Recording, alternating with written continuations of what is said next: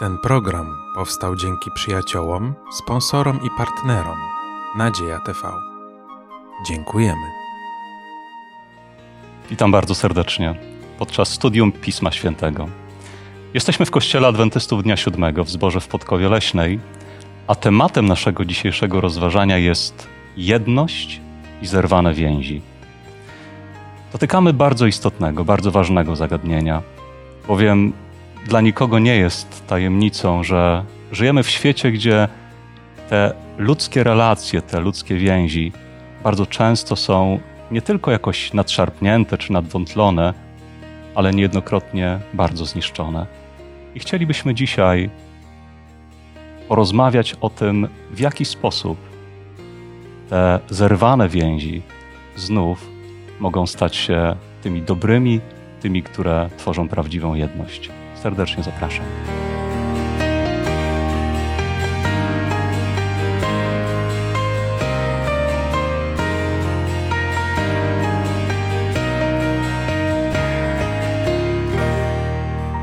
Studium Słowa Bożego razem ze mną wezmą dziś udział Małgorzata, Mariusz oraz Grzegorz. Na imię mam Piotr i rozpoczynając nasze rozważanie, Pragniemy, oczekując Bożego błogosławieństwa, właśnie do Boga zwrócić się w serdecznej prośbie i we wspólnej modlitwie. Panie nasz i Ojcze, dziękujemy Ci bardzo za Twoje słowo, za Twoją łaskę, zbawienie, za wszystko, co nam dajesz i za ten przywilej studiowania i poznawania Twojego słowa. Bądź z nami tutaj przez Twojego Ducha Świętego, prosimy Pomóż nam zrozumieć Twoją wolę, Twoje słowo i błogosław również wszystkich tych, którzy nas słuchają, oglądają. Pomóż nam przez to studium poznawać Cię coraz lepiej i wyżywać Twoje prawdy w naszym życiu. Amen. Amen. Chcemy porozmawiać o bardzo istotnym, takim bardzo życiowym zagadnieniu, bo dotyczącym relacji międzyludzkich. Czy one są ważne w życiu? Czy to jest istotne, jakie mamy relacje z najbliższymi, ze znajomymi? Pytanie retoryczne, bardzo istotne. Właściwie e, te relacje w dużej mierze wynikają przede wszystkim z relacji człowieka z Panem Bogiem, ale działa to też chyba tak, że to jak żyjemy z bliskimi, jak żyjemy w tych relacjach międzyludzkich, wpływa na nasze relacje z samym Bogiem. I chcemy na podstawie kilku przykładów z Pisma Świętego, bo Pismo Święte jest księgą, która bardzo uczciwie relacjonuje życie. I między innymi pokazuje, jak ludzie wierzący mieli czasami problem z jednością i jak gdzieś te więzi wzajemne ulegały nadwątleniu czy naderwaniu. I na podstawie kilku przykładów chcemy spojrzeć na takie sytuacje nie tyle może koncentrując się na samych sytuacjach, co przede wszystkim starając się razem znaleźć odpowiedź na pytanie, to jak naprawiać, jak na nowo budować, jak ożywiać to, co zostało w jakiś sposób zniszczone. Zaczniemy od historii z Nowego Testamentu dotyczącej przeżycia apostoła Pawła i historii, która będzie nam służyć do tego, abyśmy w tym pierwszym etapie zatrzymali się nad e, przykładem pokazującym problem, ale i rozwiązanie. Piętnasty rozdział Księgi Dzieł Apostolskich opisuje pewne doświadczenie, które przeżył apostoł Paweł. Co to była za historia? Ta historia mówi o Pawle i Barnabie, o ludziach, których połączyła miłość do Jezusa Chrystusa, którzy współpracowali w misji, którzy na dobrą sprawę widzimy, przeżywali coś wyjątkowego jeszcze przed chwilą, bo 15 rozdział dziełów apostolskich mówi o pewnym ważnym spotkaniu w Jerozolimie, gdzie szukano właśnie rozwiązania dla zagrożenia jedności w kościele. Mhm. Wszystko kończy się wielkim sukcesem. Mówimy o ludziach dobrych, nawróconych, ale doszło do różnicy zdań między nimi. Paweł i Barnaba no tu jest tak delikatnie powiedziane, e, mieli pewne nieporozumienie, ale to nieporozumienie doprowadziło do tego, że obaj nie byli w stanie dalej iść e, w służbę, e, w służbę misyjną taką, tylko podzielili się i poszli swoimi drogami. A więc mówimy o tym, że chyba nie trzeba być bardzo złym człowiekiem, żeby przeżyć jakieś nadwątlenie więzi z kimś.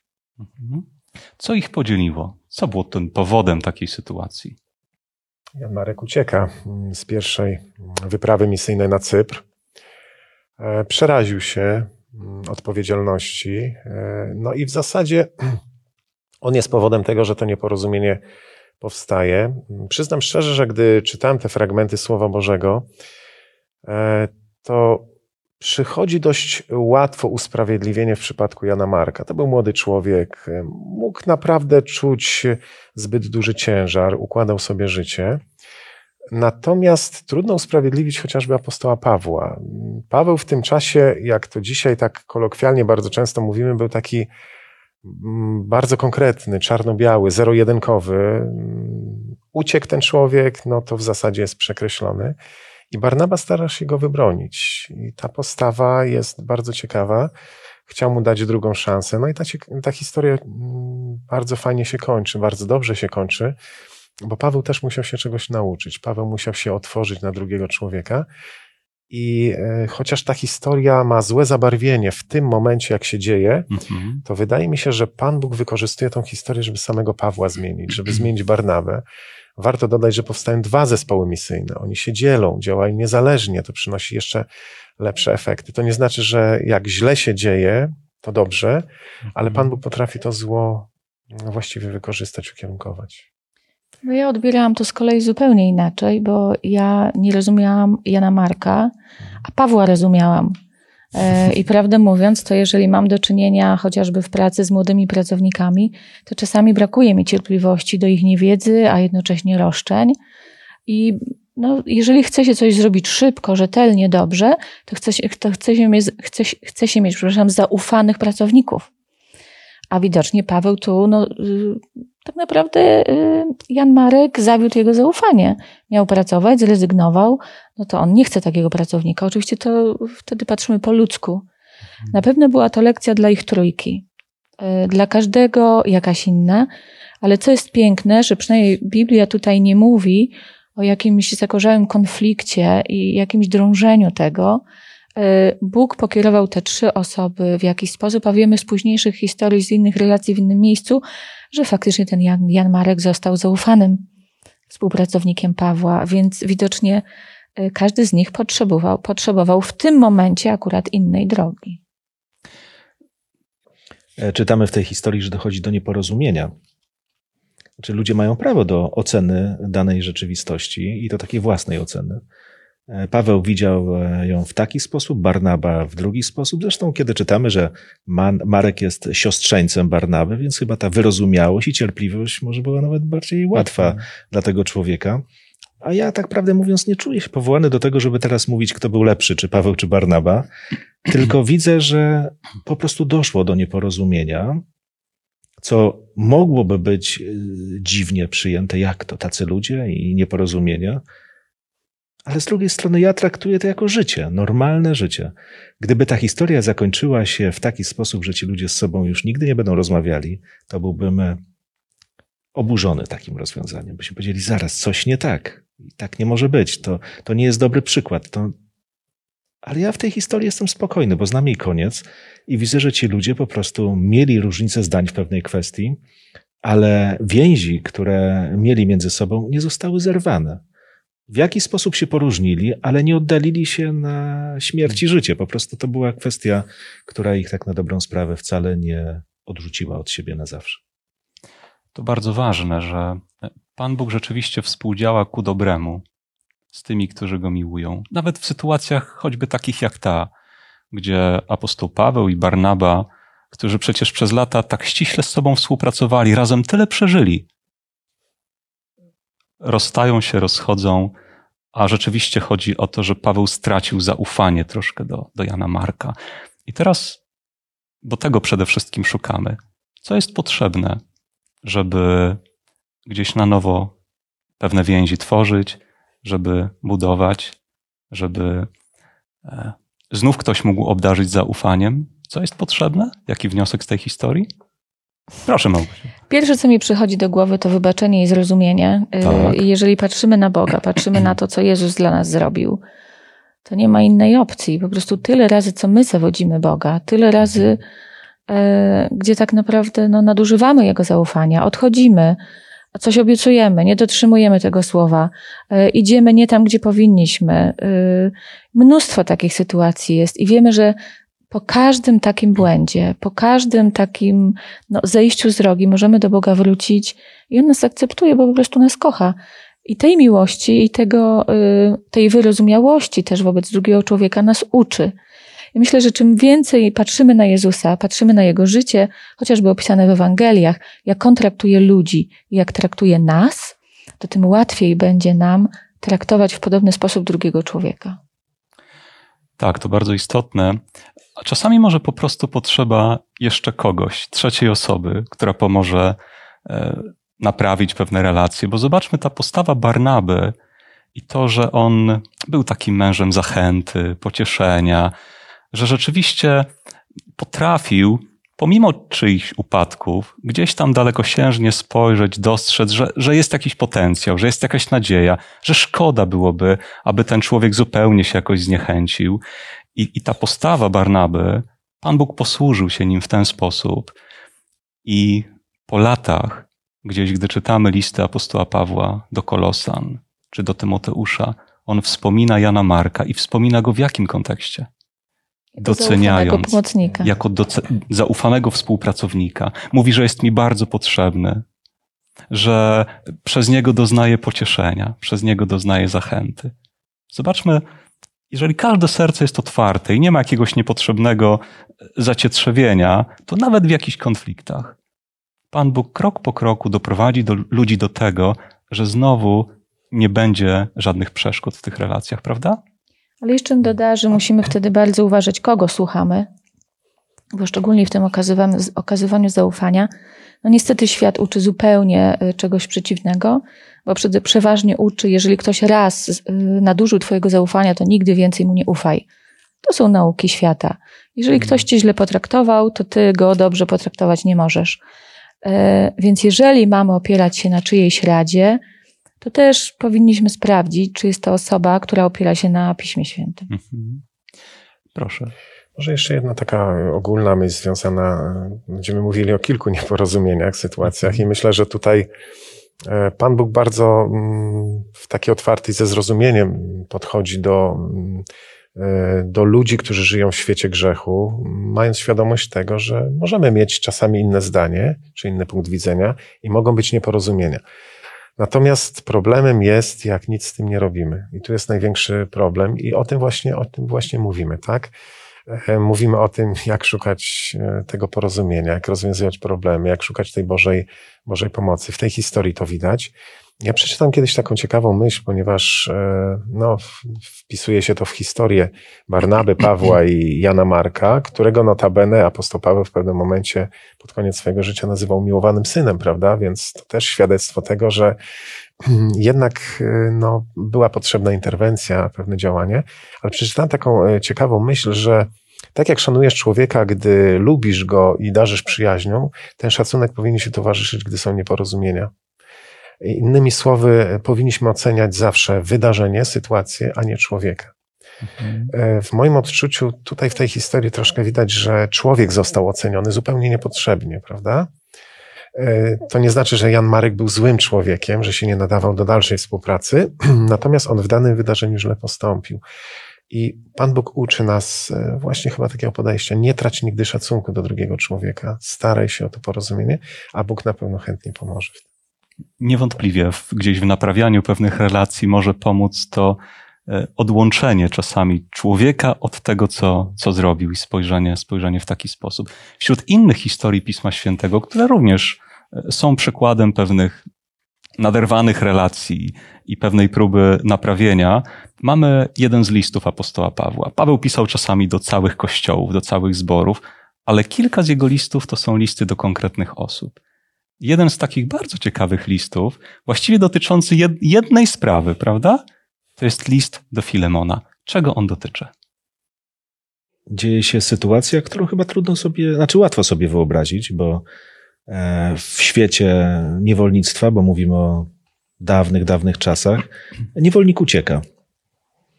Mm, wielkie przestępstwo. Mhm. Ale ten niewolnik nawraca się i to tak na dobrą sprawę widzimy Pawła, który ma w tym udział, że Onezym nawraca się do Jezusa Chrystusa, e, ale Paweł dowiaduje się prawdy o nim i wie, że więź między Onezymem a jego panem Filemonem została nadszarpnięta.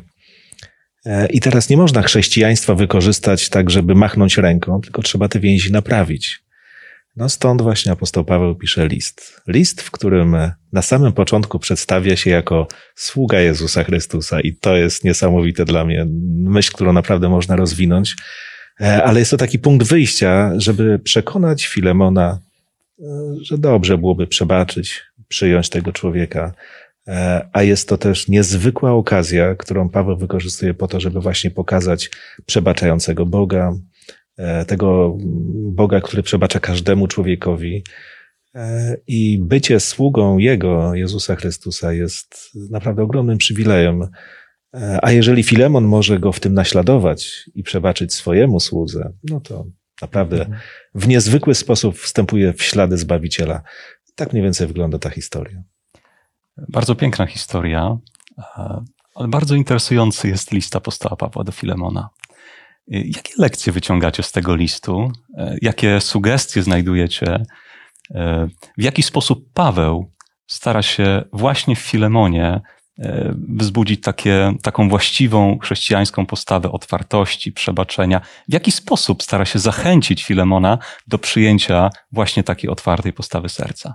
Mi się chyba najbardziej podobało to, że Paweł przedstawia Filemona w ten sposób, że on jest cenniejszy jako brat niż jak był jako niewolnik. Mhm. E, I że powinniśmy się cieszyć że z tego. Onezyma przedstawia Filemonowi Onezyma Filemonowi, mhm. tak, że przedstawia, że zyskujemy... Że zyskałeś go dla Chrystusa również, Dokładnie, tak? co jest o wiele cenniejsze. Tak. Natomiast co jest też piękne w tym, że Paweł y, trochę wywierał nacisk na Filemona tym listem, bo to był ja bym powiedziała, zakrywał od taki trochę terroryzm emocjonalny, ale co powiedział, jeżeli on jest ci coś dłużny, to ja ci mogę nawet za to zapłacić. Więc jeżeli dojdzie do tego, to jak najbardziej tutaj, jeżeli miałeś jakieś straty, ja ci to zapłacę, zapłacę ze swojego, e, no ale cieszmy się z tym, że to jest brat. Więc Paweł z jednej strony przedstawia to, co jest najważniejsze, pozyskanie człowieka dla Chrystusa, co jest najważniejsze, ale tą sprawę takiej uczciwości materialnej chociażby też proponował, żeby załatwić, żeby Filemon nie był stratny. To bardzo ważna lekcja, dlatego że ona pokazuje, że jeżeli zależy tobie na tym, aby między innymi doszło, między innymi osobami doszło do odnowienia pewnych relacji, to też musisz być ty gotowy na poświęcenie. Prawda? Natomiast e, rzeczywiście Paweł w tym liście to zwróciło moją uwagę, e, choćby w takich wersetach tego listu, werset 17. Mm, Jeżeli więc masz mnie za przyjaciela, przyjmij go jak mnie, tak? Albo werset 20. Tak, bracie, życz mi, abym się Tobą uradował w Panu i pokrzep me serce w Chrystusie. E, wydaje mi się, że Paweł w tych słowach też oczekuje od Filemona chrześcijańskiej postawy. Jesteś osobą wierzącą, jesteś tym, który chce naśladować Chrystusa. Więc nawet jeżeli pojawiły się w tobie jakieś negatywne myśli, negatywne odczucia, to przecież Ty chcesz naśladować Chrystusa i uraduj mnie tym, co w tej sytuacji wydaje się niemal oczywiste. Postąp tak, jak postąpiłby Twój Zbawiciel. I to jest bardzo ciekawe, dlatego że zobaczmy, Paweł, pisząc ten list, w jego oczekiwaniu jest, to się dobrze skończy. Ja mam oczekiwanie, że to się dobrze skończy i że każdy wykaże odpowiednią postawę. To jest bardzo ważne. Takie oczekiwanie również. Proszę. Ale mamy coś jeszcze ciekawego, bo to jest już druga historia. E, w pierwszej mówiliśmy o tym, że Barnaba próbuje łagodzić e, tą sytuację, a teraz mamy apostoła Pawła, który robi dokładnie to samo, e, co wcześniej się działo, tylko on mhm. był jakby po innej stronie. I jakby nie patrzeć, e, widać, że Pan Bóg niesamowicie zmienia ludzi, pracuje nad nimi, zmienia ten charakter, podejście, ale rzeczywiście to jest istotne, żeby e, w takim pojednaniu, w takim znalezieniu właściwego wyjścia z tej sytuacji, no, ta chęć, ta, to pragnienie pojednania było po dwóch stronach, bo Będziemy zaraz mówili troszkę o przebaczeniu. Mm, tam są ciekawe pytania związane z przebaczeniem. Rodzą się takie pytania. co jeśli osoba ci nie chce, nie chce jakby przebaczyć, jaka twoja jest postawa i tak dalej, ale będziemy za chwilkę o tym dyskutowali. Natomiast to, co chciałem, do czego chciałem nawiązać, to do samego Onezyma. On z jakiegoś powodu ucieka z tego domu. Prawdopodobnie dzieje się źle, albo jakaś krzywda, on ucieka, ma dosyć. I teraz zwróćmy uwagę, że Paweł również namawia samego Onezyma, żeby on tam wrócił i próbuje sobie wyobrazić spotkanie tych dwóch ludzi. Starzą, stają twarzą w twarz. Jak to pojednanie musiało wyglądać? No, coś niesamowitego, prawda? Tryumf dobra, tryumf Boga nad tym, nad tym wszystkim, bo Filemon to jedno, ale Onezym to e, również e, człowiek, który wraca gdzieś tam e, z wygnania, no i staje się bratem. Chwała Bogu za takie zwycięstwo. To Chrześcijaństwo do czegoś zobowiązuje. Zobaczcie, bo, bo rzeczywiście widać tutaj jakieś konkretne efekty tego, że ludzie uwierzyli w Jezusa Chrystusa. Niemożliwe staje się możliwe. Bo to jest niemożliwe, żeby, mm. żeby przyjąć zbiega jak brata. To takich historii nie ma. W chrześcijaństwie są. E, może zwrócę uwagę na e, inne jeszcze słowa, które są w tym liście, gdzie apostoł Paweł mówi: Dlatego chociaż mógłbym śmiało w Chrystusie nakazać ci, co należy no mógłby to zrobić, prawda? Jego autorytet, pozycja. Jednak dla miłości raczej proszę. E, a więc tam, gdzie jest pojednanie, tam nie ma przemocy. E, owszem, można zachęcać, można na różne sposoby motywować, ale, ale to musi być osobista decyzja kogoś, kto podejmie pewien krok, bo to będzie prawdziwe. E, I to będzie prawdziwa zmiana. Nie da się zmusić do pojednania nikogo, prawda? No można powiedzieć, podaj rękę i przeproś. Mhm. No i ludzie czasami tak robią, dzieci czasami tak robią, ale, ale to, to nie o to chodzi Panu Bogu. Ale to było też y, piękne doświadczenie dla ich obu, ale też bardzo trudne dla Onezyma, bo wyobraźmy sobie, że y, niewolnik ucieka, coś tam być może jeszcze w, międzyczasie, w międzyczasie przeskrobał i on z własnej woli wraca. I on też mógł się liczyć z jakimiś konsekwencjami, z jakąś karą, ale nawrócił się do Boga, wie, że tak jest w porządku, że tak jest uczciwie mhm. i wraca. Y, także no, z obu stron to jest piękne doświadczenie. A na teraz ja bym jeszcze tak, może żeby to lepiej zrozumieć, przetłumaczyła. Wyobraźmy sobie, że bierzemy do domu jakąś osobę, opiekujemy się nią, albo pracuje dla nas jako niania, czy ktokolwiek i nas okrada na ogromną kwotę pieniędzy trafia potem do kogoś, nawraca się i ten ktoś dzwoni do nas i mówi: Słuchaj, przyjmij ją z powrotem do pracy, bo to mhm. jest Twoja siostra w Chrystusie teraz. Mhm. Wyobrażamy sobie, jakiego zaufania trzeba. Zaufania do Boga przede wszystkim, ale czy my potrafimy?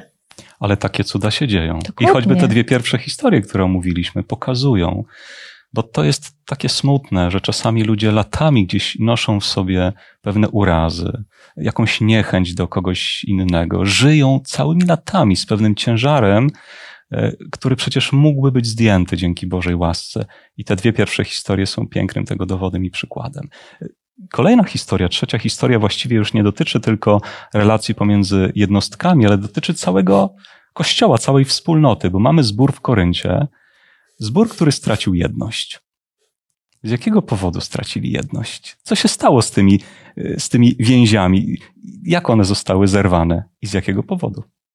Powodów było kilka, ale jeden, ten najważniejszy opisany w pierwszym liście, to są te podziały, e, no, chyba wynikające z takiego wywyższania się nad innymi. Część ludzi mhm. czuło się ważniejszymi, e, bo pracowała z tym apostołem, a część z tym apostołem i zaczęli się powoływać, ja należę do tego, ja należę do drugiego, ale zaistniały podziały. E, I to jest to załamanie jedności. Oni się zaczęli porównywać do siebie i z jakiegoś powodu jedni od drugich czuli się lepsi. Mhm. No i niestety to chyba jest, jest pierwszy krok droga, do, prawda? Do, do podziałów. Tak, do podziałów. E, to prawda. Jeden powód tych podziałów to było to, że rzeczywiście jedni bardziej przywiązali się do takiego apostoła, inni bardziej do takiego. E, natomiast znów apostoł Paweł mówi: Posłuchajcie, między nami nie ma takich różnic. My jesteśmy Bożymi współpracownikami, my z pokorą chcemy służyć, przekazywać Ewangelię, więc budujcie to swoje życie na, na tym jedynym fundamencie, fundamencie, jakim jest Pan Jezus. Ale jeszcze inny niestety powód znaleźli wyznawcy zboru w Koryncie do tego, żeby, żeby się poróżnić. I to jest ciekawe, że nawet dobre rzeczy można e, tak źle wykorzystać, Dlaczego? Bóg obdarzył ten zbór wieloma duchowymi darami, różnymi darami, prawda? Duch Święty dał dary nauczania, uzdrawiania języków, tłumaczenia języków, e, przekazywania Ewangelii, miłosierdzia. To powinno jednoczyć ludzi, prawda? We wspólnej służbie, we wspólnym zaangażowaniu. Co się stało? No cóż, chrześcijanie potrafią się pokłócić na każdy temat.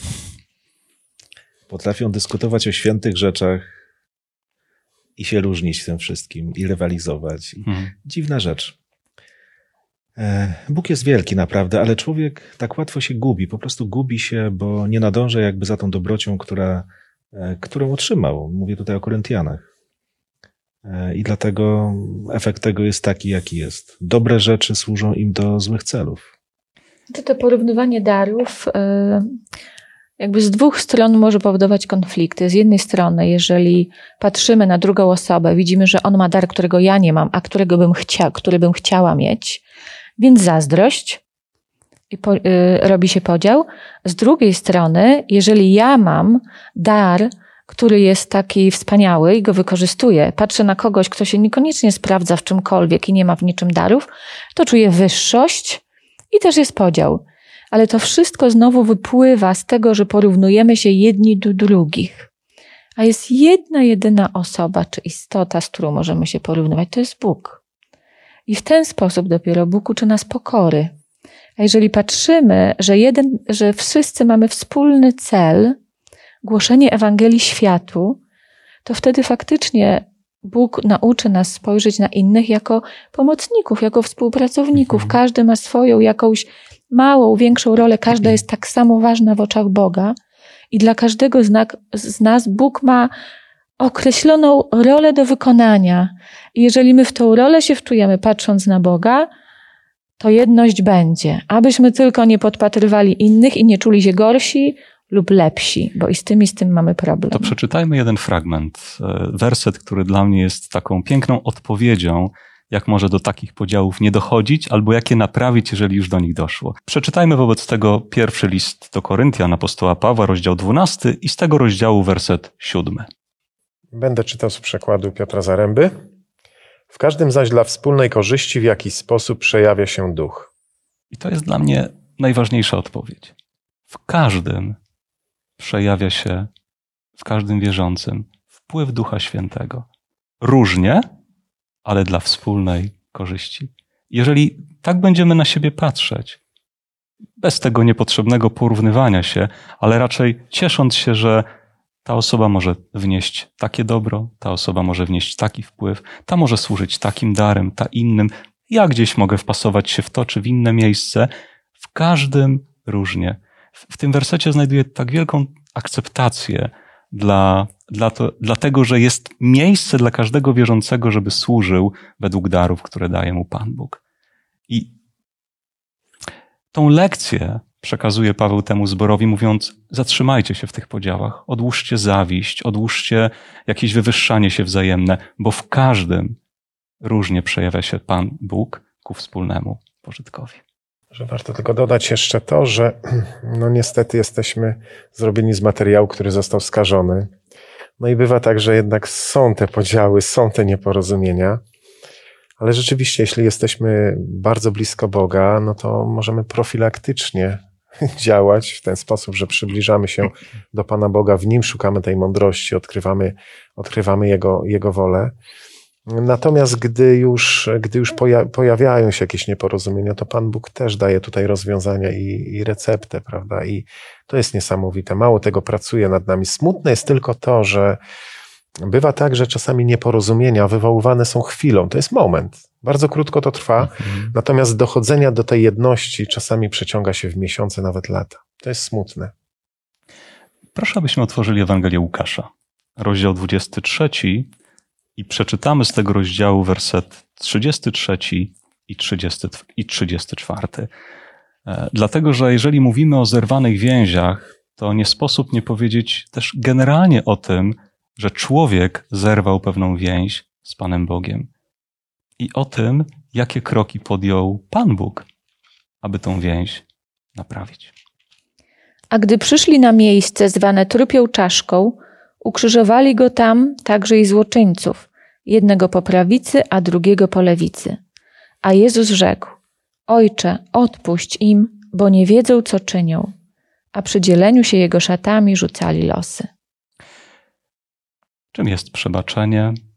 Czy przebaczenie komuś to jednocześnie usprawiedliwienie jego złego postępowania? Co jest prawdziwym źródłem i siłą przebaczenia w życiu człowieka? Kiedy wsłuchujemy się w tą modlitwę, która została teraz przeczytana Pana Jezusa z krzyża, kiedy spogląda, myślę, że ta modlitwa zdecydowanie nie obejmowała tylko tych, którzy byli pod krzyżem, ale przecież tak naprawdę cały świat, całą ludzkość.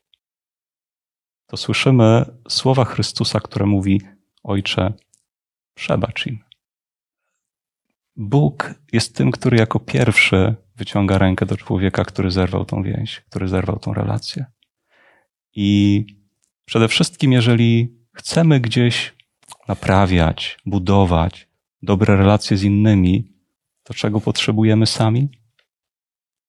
Potrzebujemy, aby nasze życie z Bogiem było naprawdę pojednane, było takie pogodzone, było takie, które, w którym sami skorzystaliśmy z tej łaski przebaczenia, którą oferuje tutaj Jezus Chrystus.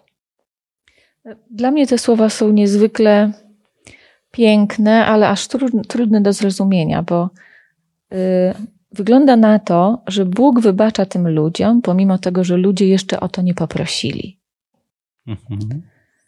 I to jest lekcja, która pokazuje, przynajmniej ja to tak czytam, że to wybaczenie innym, jeżeli przenosimy te relacje na między ludźmi, to wybaczenie komuś często jest bardziej nawet potrzebne osobie, która wybacza, niż osobie, której wybaczamy. To jest takie uleczenie też i nas, i Bóg też tego uczy. Bo oczywiście wybaczenie grzechów to jest jedno i to, że Bóg wybacza nam i absolutnie bezwarunkowo wybacza, to jest jedna sprawa, ale z drugiej strony, jeżeli Jezus w takiej sytuacji, nawet jeżeli ten człowiek nie przyszedł do niego, nie, nie prosił o wybaczenie, Jezus wybacza, to czy to nie jest nauka dla nas, że jeżeli ktoś nam zaszkodził, ktoś nas skrzywdził i nie przychodzi do nas, nie prosi o wybaczenie, nie przeprasza, nie przyznaje się do błędu, a my i tak powinniśmy mu wybaczyć. To jest taka największa lekcja dla mnie, jedna z wielu z tego tekstu. To też nie oznacza, że takiemu człowiekowi automatycznie Bóg wybaczył. To, że ja komuś przebaczam, to nie znaczy, że Bóg mu wybaczył, bo potrzebna jest skrucha. On musi przyjąć to przebaczenie. Jeżeli człowiek tego przebaczenia nie przyjmuje, to nic z tego nie ma, ale to już jest jakby po drugiej stronie. Natomiast ja mówię o swojej jakiejś postawie gdzie jeżeli mam oczekiwać na to, że ktoś wykona pierwszy ruch, że on przeprosi, albo usilnie przeprosi, albo będzie długo przepraszał i może wtedy dopiero. To jest chore. To jest chore i to naprawdę y, świadczy o niezrozumieniu w ogóle natury Pana Boga. Natomiast rzeczywiście człowiek, który ma gotowość przebaczenia, tak jak tutaj Jezus, jest naprawdę niesprawiedliwie potraktowany. On nie dźwiga w swoim sercu ciężaru jakim jest brak przebaczenia. Mhm. On się uwalnia od toksycznych rzeczy, które mogłyby naprawdę być e, kotwicą, no, po prostu grzechem wręcz, bo to się tak może przerodzić.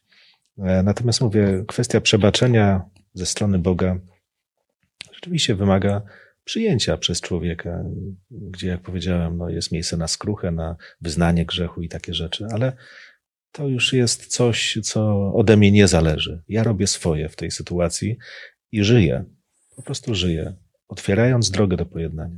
Tak wspaniałe jest to, że gdy przychodzimy do Boga, wyznając nasze grzechy, przyznając się do naszych upadków, to nie dopiero wtedy w nim następuje jakaś zmiana. No dobrze, to jednak wam przebaczę. Nie.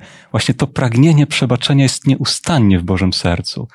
A jedynie to, że przychodzimy ze skruchą, z żalem, nareszcie, nareszcie pozwala Panu Bogu zrealizować to Jego pragnienie uwolnienia nas od ciężaru win, poczucia e, tego, tego przygniatającego, tych przygniatających wyrzutów, wyrzutów sumienia.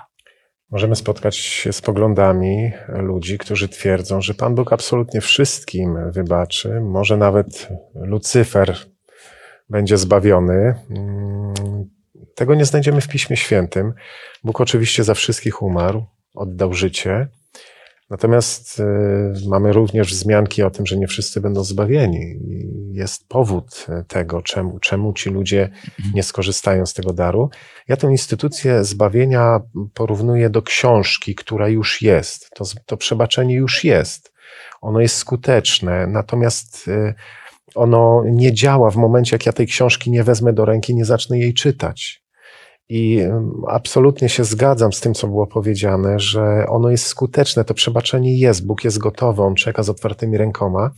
Natomiast ono jest skuteczne, jak ja tą księgę otworzę, prawda? Czyli przyjdę do Boga, jest skrucha, proszę o, proszę o odpuszczenie grzechów, o oczyszczenie serca, o zmianę życia. I Bóg chętnie, nie odmawia, nie odmawia nikomu. Tak, czytamy w Słowie Bożym o wielkiej radości w niebie. Zawsze wtedy, gdy człowiek nawraca się do Boga, gdy ta więź człowieka z Panem Bogiem zostaje, zostaje naprawiona. A jeżeli ona zostaje naprawiona, to co się dzieje w relacjach międzyludzkich? Jakie pragnienia zaczynają towarzyszyć człowiekowi, prawda? Jeżeli widzi, że może kogoś skrzywdził, e, niewłaściwie postąpił wobec kogokolwiek, to teraz, gdy przyjął Boże przebaczenie, jakie pragnienia są w jego sercu? Naprawić pewne relacje, może powiedzieć komuś przepraszam, może powiedzieć komuś wybaczam ci. I, I to wszystko się zmienia, i to wszystko w gdzieś piękny sposób zaczyna dotykać, dotykać ludzkiego życia. Patrzymy na Pana Jezusa, który modli się o to, żeby Ojciec przebaczył im grzechy. Natomiast sądzę, że my jako ludzie, ja potrzebuję często modlić się, żebym umiał przebaczyć. Mhm. Bo łatwo cytować słowa Pana Jezusa, mówiąc no, wzorcowe zachowanie, wzorowe, takie wyjątkowe. E, ale to jest rzeczywiście taki cud Boży, który się dzieje we mnie, kiedy ja potrafię to zrobić. Bo to nie jest tak, że ja sobie do głowy włożę taką dobrą zasadę i to tak zadziała. To tak nie zadziała. W momencie, kiedy mam komuś coś przebaczyć, są emocje, są urazy, są wyobraźnia działa. Ktoś szepnie jeszcze takie słowo, które podtrzyma mnie w takim bojowym nastawieniu. To jest chore, mhm. ale, ale człowiek się z tego często nie może uwolnić. Nierzadko spotykałem się z takimi postawami, że niektórzy mają takie obawy, jak to ja przebaczę, to tak jakbym zgadzał się z tym, co kto zrobił. Do dzisiaj tego typu myślenie funkcjonuje, a przecież nie o to chodzi. Nie o to chodzi. I, I trzeba to tłumaczyć często bezskutecznie, bo wymagana jest postawa, przebaczenie, prośba o przebaczenie, i wtedy dopiero zastanowię się, jakoś się przełamię, jakoś sobie rękę podamy. Trochę może to przerysowałem, ale tym bardziej powtarzam, naprawdę muszę się modlić, żebym był w stanie wykonać to, do czego Jezus mnie zachęca swoim przykładem. Czegoś bardzo ważnego dotknąłeś, dlatego że rzeczywiście przykład Chrystusa to jest przykład tego, który pierwszy wyciąga rękę. I, I, rzeczywiście, naśladując ten przykład, gdy przychodzimy do Pana Jezusa, może w jakiejś burzy emocji, bo zostaliśmy skrzywdzeni, to rzeczywiście przede wszystkim potrzeba mocy Bożej, która objawi się na naszym sercu. Przebaczenie jest przede wszystkim pewnego rodzaju wyborem drogi, którą chcemy iść. Jest wyborem kierunku, który chcemy pielęgnować w swoim życiu. Że nie chcemy nosić w sercu tych zranionych uczuć. E, nie chcemy sprawiać, żeby, żeby one urastały coraz bardziej. Więc ten wybór, i może czasami nawet powinniśmy powiedzieć Panu Bogu: Boże, ja nie czuję przebaczenia, czuję niechęć do tej osoby, ale wybieram, wybieram przebaczenie, wybieram postawę, chcę, a Ty zmień moje serce. Bo przecież nie my zmieniamy swoje serce. Ale ten nasz wybór i naszą słabość Bóg bierze w swoje ręce i zmienia nasze serce. No, chciałbym jeszcze e, dodać tę ważną myśl, że jakby w tych naszych relacjach między ludźmi przebaczenie nie załatwia do końca sprawy, bo musimy załatwić jeszcze sprawę z Panem Bogiem, czyli prosić o naprawienie życia, o wybaczenie grzechów, jeśli, jeśli chcą. E, to jest e, takiego swego rodzaju uleczenie duszy w relacjach między ludźmi, prawda? Więc o to warto walczyć. I dla mnie czasami trudno pojąć to, że wielu ludzi wybiera taką inną drogę. Żyją, napełniają się taką żółcią, niechęcią, zupełnie niepotrzebnie. To jest fantastyczne lekarstwo w relacjach między ludźmi mhm. i e, również pionowo w tych relacjach człowiek-Bóg. Jeszcze w takich sytuacjach, kiedy jest mi trudno wybaczyć, albo może nie, nie, nie zawsze aż wybaczyć, ale zrozumieć, czy jest zachowanie, które mi się nie podoba, przypominam sobie tekst, który jest w Ewangelii Mateusza w szóstym rozdziale, 14-15 werset. Bo jeśli odpuścicie ludziom ich przewinienia, odpuści i wam Ojciec Wasz Niebieski. A jeśli nie odpuścicie ludziom, i Ojciec Wasz nie odpuści wam przewinień Waszych. Po tym tekście zawsze przypominam sobie, co Bóg wybaczył mi. I to jest, myślę, bardzo pomocne rozpamiętywać, jak bardzo, jak wiele zawdzięczam Bogu, jak wiele rzeczy musiał mi wybaczyć, znaczy musiał, wybaczył, bo chciał, zupełnie bez jakichś działań z mojej strony, oprócz tego, że przyszłam i, zresztą on wybaczył zanim ja go poprosiłam. Ja przyjęłam jego wybaczenie, jak poprosiłam. Jeżeli pamiętamy, jak wiele wybacza nam, to w ten sposób Bóg nas uczy wybaczać innym. Mamy jeszcze bardzo praktyczny zestaw rad od Pana Jezusa dotyczący tego, gdy widzimy, że ktoś zgrzeszył, może przeciwko nam coś niewłaściwego uczynił. E, w osiemnastym rozdziale Ewangelii Mateusza czytamy o tym, gdy Chrystus mówi, jeżeli widzisz, że grzeszy ktoś tobie bliski, to co masz uczynić? Pójść, porozmawiać, przemówić serca, z modlitwą, z pragnieniem, z pragnieniem e, aby, aby coś zmieniło się na lepsze. Jeżeli ktoś ciebie posłucha, to wspaniale. Jeżeli nie, może potrzebujesz, aby jeszcze druga czy trzecia osoba poszła z tobą. Jeżeli posłucha, to wspaniale. Bardzo lubię w tym fragmencie to, że drodzy, jakby na każdym etapie tej rady Pana Jezusa, Chrystus mówi, jeżeli możesz jakieś nieporozumienie zamknąć w jak najmniejszym gronie, jeżeli możesz jakieś zerwane relacje uleczyć na jak, najwcześniej, jak, na jak najwcześniejszym etapie, to nie angażuj w to wielu ludzi. Jeżeli nie możesz, jeżeli potrzeba więcej osób, żeby może nawet całą wspólnotę, cały kościół, e, aby gdzieś przemówić do kogoś, kto pogubił się w życiu, to będzie to wyrazem troski. To będzie to wyrazem pragnienia, aby kogoś, e, kogoś znów przyprowadzić bliżej Pana Boga. No ja myślę, że to jest rada chyba jedna z najbardziej potrzebnych naszej społeczności. E, I chociażby pamiętać o tym, że zanim rozpowiesz o jakimkolwiek konflikcie innym osobom, idź do źródła i właśnie porozmawiaj zgodnie z radą z Biblii. Jeżeli robimy inaczej, tworzymy podziały w społeczności, w zborze, w kościele, wśród braci i sióstr. Także y, polecam czytanie tego tekstu z Ewangelii Mateusza. Staraliśmy się, korzystając z tych kilku historii, kilku fragmentów Pisma Świętego, odnaleźć jak najwięcej rad, sugestii Pana Jezusa, Słowa Bożego, jak tworzyć na nowo te zerwane więzi, jak łączyć to, co zostało, zostało rozerwane. Może powinniśmy zakończyć fragmentem, e, który znajdziemy w trzecim rozdziale listu do Kolosan, gdzie napisane jest tak. Dwunasty i trzynasty werset. Przeto przeobleczcie się jako wybrani Boży, święci i umiłowani, serdeczne współczucie, w dobroć, pokorę, łagodność i cierpliwość, znosząc jedni drugich i przebaczając sobie nawzajem, jeśli kto ma powód do skargi przeciwko komu. Jak Chrystus odpuścił wam, tak i wy. Ilekroć myślimy o tym, aby coś zmieniło się na lepsze w naszych relacjach, przecież czasami z kimś naprawdę nam bliskim, Zawsze tam, gdzie znajdziemy siłę do tego, tam, gdzie znajdziemy wszelką pomoc, to właśnie u stóp naszego cudownego Zbawiciela, Pana Jezusa Chrystusa. Bo jak On nam uczynił, tak daje też siłę, abyśmy my mogli tą postawę przebaczenia, tą postawę otwartości, tą postawę budowania i tworzenia dobrych relacji, dobrych więzi wnosić również w życie wśród tych, wśród których jesteśmy. Chcemy podziękować Panu Bogu i w modlitwie razem z Grzegorzem wyrazić naszą ogromną wdzięczność. Łaskawy nasz Panie i Boże, chciałbym podziękować za te chwile, które mogliśmy spędzić przy Twoim świętym słowie.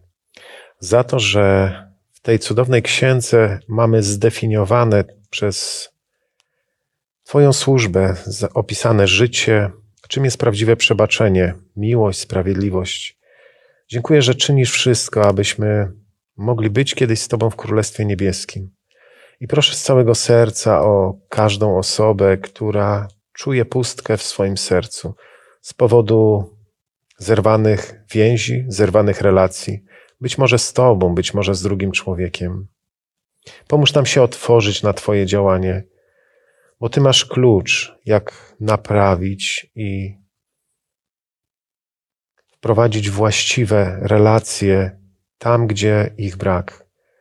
Pobłogosław nam w szczególny sposób. Jeśli to możliwe, drogi Panie, i możemy być takimi dobrymi narzędziami w Twoich rękach, wierzę, że tak jest. Pomóż nam tak, jak było to w przypadku apostoła Pawła, Barnaby, Jana Marka, być takimi dobrymi wspomożycielami tych dobrych celów, które przyświecają Tobie przede wszystkim w jednaniu ludzi, z drugim człowiekiem, z bliźnim, ale również z Tobą. Dziękujemy Tobie za te chwile, za to, że pragniesz wypełnić nasze serca. Prowadź nas przez życie tak, jak Ty żyłeś. Pomóż nam patrzeć na drugiego człowieka tak, jak Ty patrzyłeś i w taki sposób szukać Królestwa Bożego, jak Ty to czyniłeś. W imieniu Najświętszym, w imieniu Pana Jezusa, o to proszę i z całego serca dziękuję. Amen. Drodzy, dziękując serdecznie za Wasz udział, również życząc takich dobrych, bliskich relacji z Panem Bogiem, ale także Jego uzdrawiającej i wspierającej mocy w tworzeniu dobrych relacji z bliskimi, zapraszamy jednocześnie na studium, które odbędzie się za tydzień, a zatytułowane będzie Jedność w wielbieniu Boga. Dziękujemy i serdecznie zapraszamy.